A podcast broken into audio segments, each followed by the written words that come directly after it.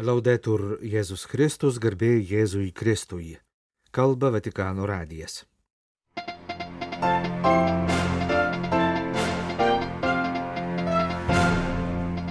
Popiežiaus žinia vasario 8-ąją minėtos maldos už prekybos žmonėmis aukas dienos proga.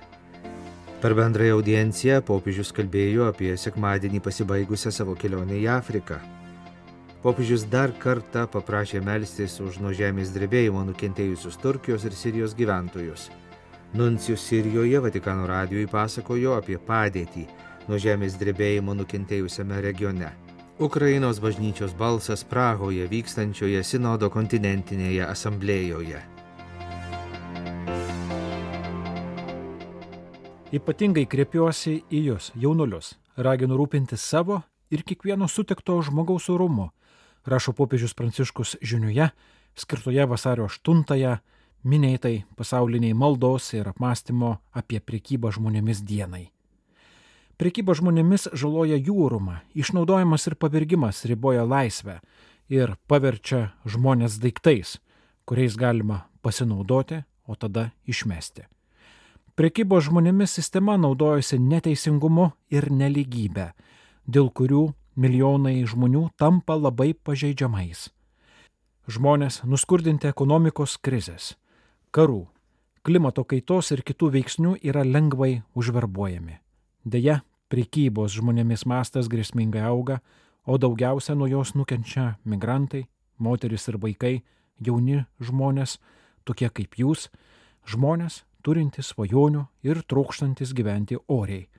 Kalbėjo popiežius vaizdo žiniuje, kuri trečiadienį buvo transliuota specialioje keliakalbėje interneto svetainėje, įterpta į visą dieną ir visose pasaulio regionuose vykusi virtualų maldos maratoną.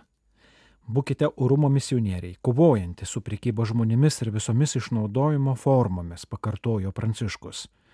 Jis paminėjo iniciatyvą Romoje, sukvietusią jaunulius prisidedančius prie kovos su priekybo žmonėmis asociacijų veiklos.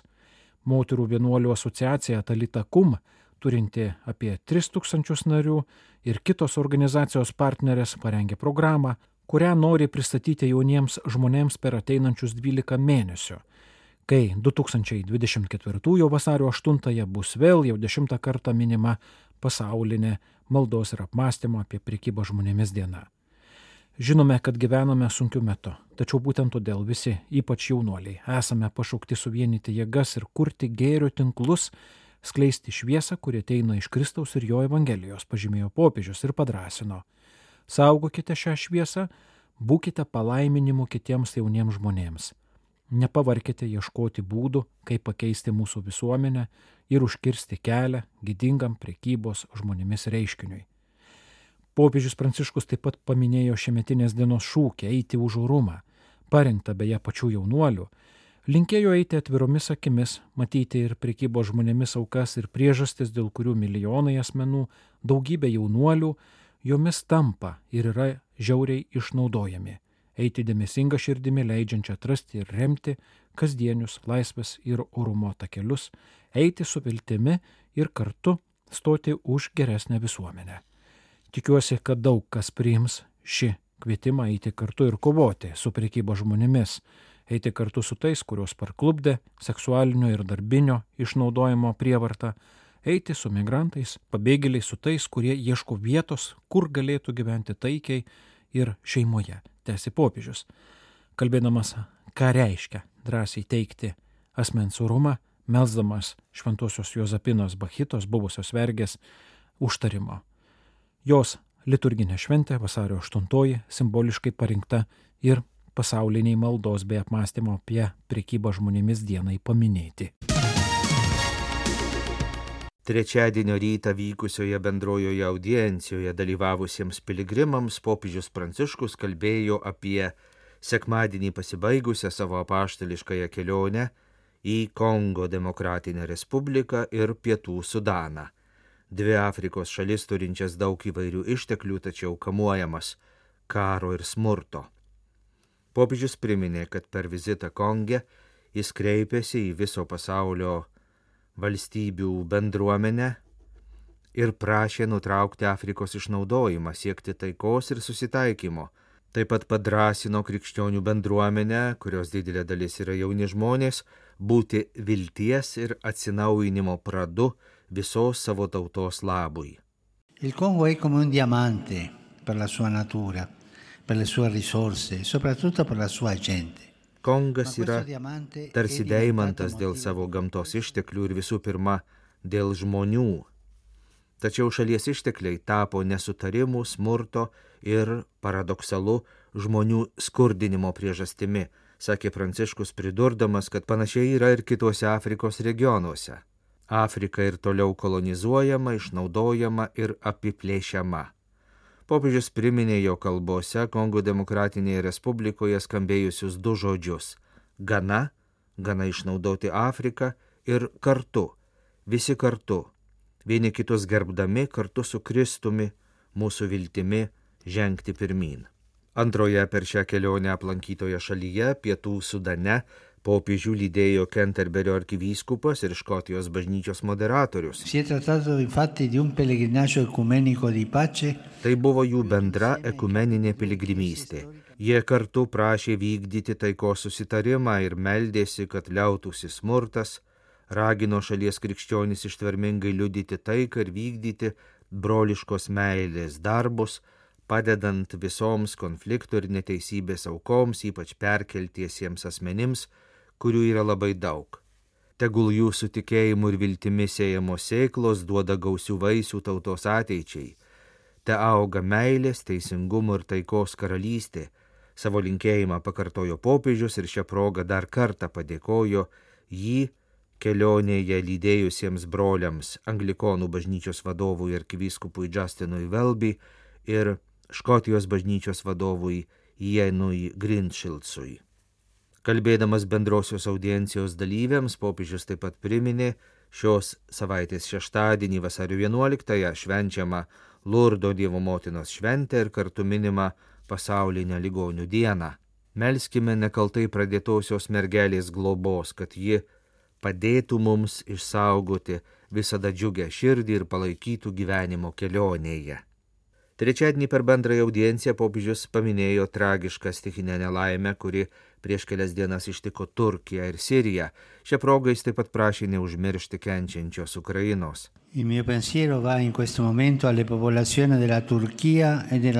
E. Mintimis esu su Turkijos ir Sirijos gyventojais, kurie labai nukentėjo nuo žemės drebėjimo, per kurį tūkstančiai žmonių žuvo ir buvo sužeisti. Su jauduliu meldžiuosi už juos ir reiškiu savo artumą šioms tautoms, aukų šeimoms ir visiems, kurie kenčia nuo šios baisios nelaimės. Dėkoju tiems, kurie stengiasi suteikti pagalbą ir raginu visus solidariai padėti tų kraštų gyventojams. Kai kurie jų jau ir prieš tai kentėjo dėl ilgo karo.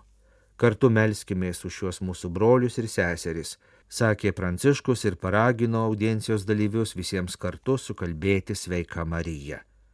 Popiežius taip pat prašė neužmiršti kenčiančių Ukrainos žmonių, gyvenančių karo sąlygomis, šaltyje, be elektros energijos. Jūs klausotės Vatikano radio tęsinę programą. Turkijoje ir Sirijoje tebe tęsiamos išgyvenusiųjų paieškos po galingų žemės drebėjimų pirmadienį. Gelbėtojai kovoja su laiku, nes praėjus dviem paroms nuo įvykio tikimybė rasti išgyvenusių žmonių yra maža į žemės drebėjimo zoną atvyksta vis daugiau tarptautinių pagalbos darbuotojų, visame pasaulyje kyla solidarumo banga ir aukojamos lėšos kenčiantiems. Popiežius trečiadienį patikino apie maldą ir artumą kenčiantiems, dėkojo gelbėtojams ir paragino visus liudyti solidarumą nukentėjusiam regionui, primindamas, kad dalis regiono jau nukentėjo nuo ilgo karo Tai sakydamas popiežius mintyse turėjo Siriją, nuniokota jau daugiau kaip dešimtmetį trunkančio konflikto.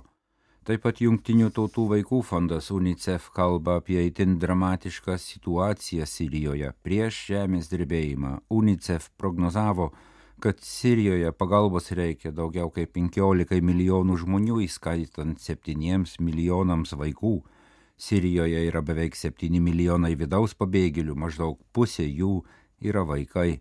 Skubios pagalbos reikia daugiau kaip dviem trečdaliams Sirijos populacijos tūkstančių žmonių aukų pareikalavęs ir didžiulių nuostolių padaręs žemės drebėjimas Turkijos Sirijos pasienyje bus žmogiškumo išbandymas visai tarptautiniai bendruomeniai ir pačiai Sirijai, pareiškė kardinolas Mario Dzenari, kuris antradienio rytą iš sostinės Damasko apsnigusiais keliais automobiliu atvažiavo į žemės drebėjimo nuniokotą Alepo miestą esantį už 400 km nuo sostinės. Popiežiaus apaštališkasis nuncijus Sirijoje 77 metų Mario Dzenari savo pirmaisiais įspūdžiais iš Sirijoje nukentėjusio regiono dalyjosi per Vatikano radiją. Pirmas vaizdas atvykus į Alepą pribloškiantis. Visur griuvesiai nebebėra keturių mečetės minaretų, pranciškonų bažnyčia suturkinėjusi, žmonės gatvėje šala, bijo sugrįžti į savo namus, dvelkia išgastis ir pasimetimas po karo bombų ir po karo sukeltos skurdo bombos sprogo dar viena baisi žemės stichijos bomba, samprotavo apaštališkasis nuncijus, jis patikino, jog būtina ir netidėliotina suteikti pagalbą vargstantiems Sirijos gyventojams. Tai bus išbandymas tarptautiniai bendruomeniai ir pačiai Sirijai, pažymėjo Nuncijus. Kaip žinia, pagalbos tiekimą į Šiaurinę Siriją apsunkina tai, kad jis vyksta ne pagal susitarimą su Damasko valdžia, o tiesiai iš pietinės Turkijos, tačiau pasienyje yra tik vienas atidarytas pervažiavimo punktas, kuris šiuo metu yra nepasiekiamas. Bažnyčia padeda kiek gali. Prieš porą mėnesių Sirijos vyskupai įsteigė komisiją labdarai koordinuoti. Bažnyčia vilėsi, kad jos atsinešami penki duonos kepaliukai ir dvi žuvys bus išdalyta to lygiai ir pačiu geriausiu būdu, sakė Vatikano radijui apaštališkasis nuncijus Damaskė Mario Zenari. Popiežius Pranciškus reiškė susirūpinimą dėl situacijos Turkijoje ir Sirijoje po dviejų didžiulių žemės drebėjimų. Popiežiškosios misijų draugijos įsteigė fondą skirtą konkrečiai padėti nukentėjusiems žmonėms. Pietričių Turkija ankstų pirmadienio rytą sukrėtė du žemės drebėjimai, nusiaubę plačias šios šalies ir kaimininės Sirijos teritorijas. Drebėjimai sugriovė šimtus pastatų, žuvo tūkstančiai žmonių, Jau pirmadienį popiežius išsiuntė užuojautos telegramas Turkijai ir Sirijai, prašydamas apaštališkųjų nuncijų. Arkiviskopo Mareko Solžinskio Turkijoje ir kardinolo Mario Dzenari Sirijoje perduoti jo dvasinį artimumą. Ta pačia diena popiežiškosios misijų draugijos paskelbė apie savo naujausią iniciatyvą padėti žemės drebėjimo aukoms siekdamos nedelsiant suteikti pagalbą šeimoms patyrusioms katastrofiškų nuostolių dėl pirmadienio rytą Turkiją ir Siriją sukrėtusių žemės drebėjimų, popiežiškosios misijų draugijos Junktinėse Amerikos valstijose įsteigė pagalbos Turkijai ir Sirijai fondą. Lėšos iš šio fondo bus skirtos kunigams misionieriams, vienuoliams, pasauliečiams misionieriams, teikiantiems pagalbą nukentėjusiems nuo nelaimės kurią Sirijos Alepo chaldėjų vyskupas Antuan Audo apibūdino kaip baisę bombą. Junktinių Amerikos valstijų nacionalinis popiežiškųjų misijų draugijų direktorius monsignoras Kieranas Harringtonas pažymėjo, nors dar per anksti apskaičiuoti visą žemės drebėjimo žalos mastą, patirtis rodo, kad kritinės bus ateinančios dienos. Pasak monsinjoro, misionieriai pasiruošę padėti, o misijų draugijų nacionalinis direktorius Turkijoje jau dirba su vietinėmis nevyriausybinėmis organizacijomis, siekdamas užtikrinti, kad visi išsiųsti pinigai būtų tiesiogiai skirti tiems, kuriuos labiausiai paveikė ši tragedija popiežiškosios misijų draugijos skirs dotacijas per katalikų viskupijas ir partnerės organizacijas, siekdamos užtikrinti, kad lėšos būtų pilnai panaudotos netidėliotiniems ir nuolatiniams nukentėjusių bendruomenių poreikiams. Monsignoras tikėsi, kad katalikai Junktinėse valstijose dosniai atsilieps į kvietimą paremti ir palengvinti žmonių kančias. Prahoje vykstančioje Europos žemynų sinodinėje asamblėjoje diskusijos ir pasidalymai apie vietinių lygmenių įvykdyto sinodinio darbo vaisius. Ukrainos bažnyčia prasidėjus rusų invazijai negalėjo įsigilinti į pasiūlytas temas. Nepaisant to, jie atrado tikrą sinodalumą karo akistatoje. Apie tai pasakoja vyskupas Aleksandras Jezloveckis, Kyjevo Žitomyro vyskupas auxiliaras, kuris prisipažįsta, kad tarp Prahos asamblėjoje dalyvaujančių 200 delegatų, kurie kalba apie harmoningas situacijas, jis atsidūręs prislėgtos dvasios, besinešiojantis nuolatinį gedulą. Asamblėjos darbus pradėjo Vilniaus arkivyskupas Gintaras Grušas, išreikšdamas viltį, kad rusų agresija Ukrainoje bus nutraukta, kad Europoje stos taika ir susitaikymas.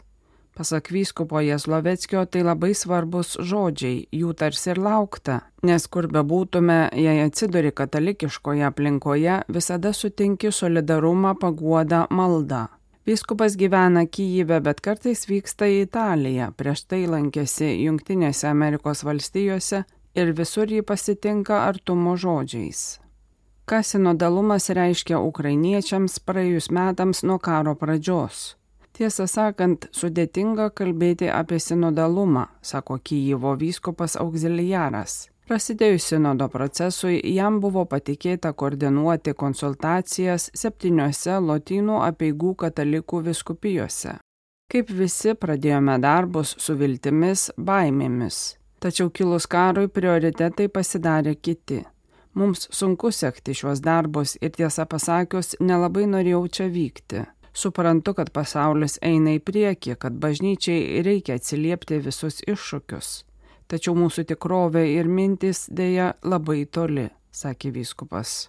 Kyivo ganytojas pridūrė, kad kita vertus karo baisumai paskatino žmonės susivienyti, atnešė artimumą su žmonėmis, slėptuvėse su jais geriant arbatą, teikiant pagalbą kartu su savanoriais. Kiekviena parapija tapo mažu karitas centru, kur glaudžiasi pabėgėliai ir kuris turi atliepti į daugybę poreikių.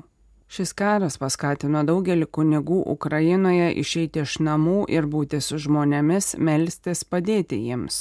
Jie iš ties daug padaro.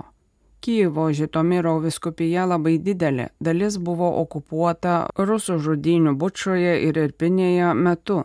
Vyskupas sako, besididžiuojantis didžiulę kunigų pagalbą bėgantiems nuo žudinių žmonėms. Jis tikisi, kad šis dabar išgyvenamas artumas ilgainiui nepradings.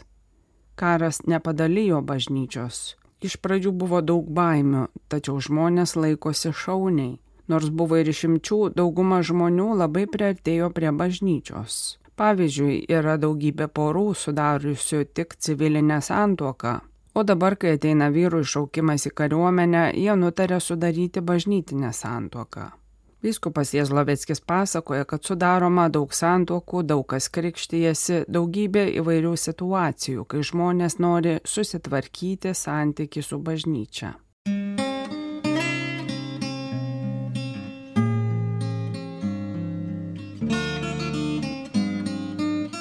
Kalba Vatikanų radijas. Laidą lietuvių kalba baigėme. Garbėjai Jėzui Kristui, laudetur Jėzus Kristus.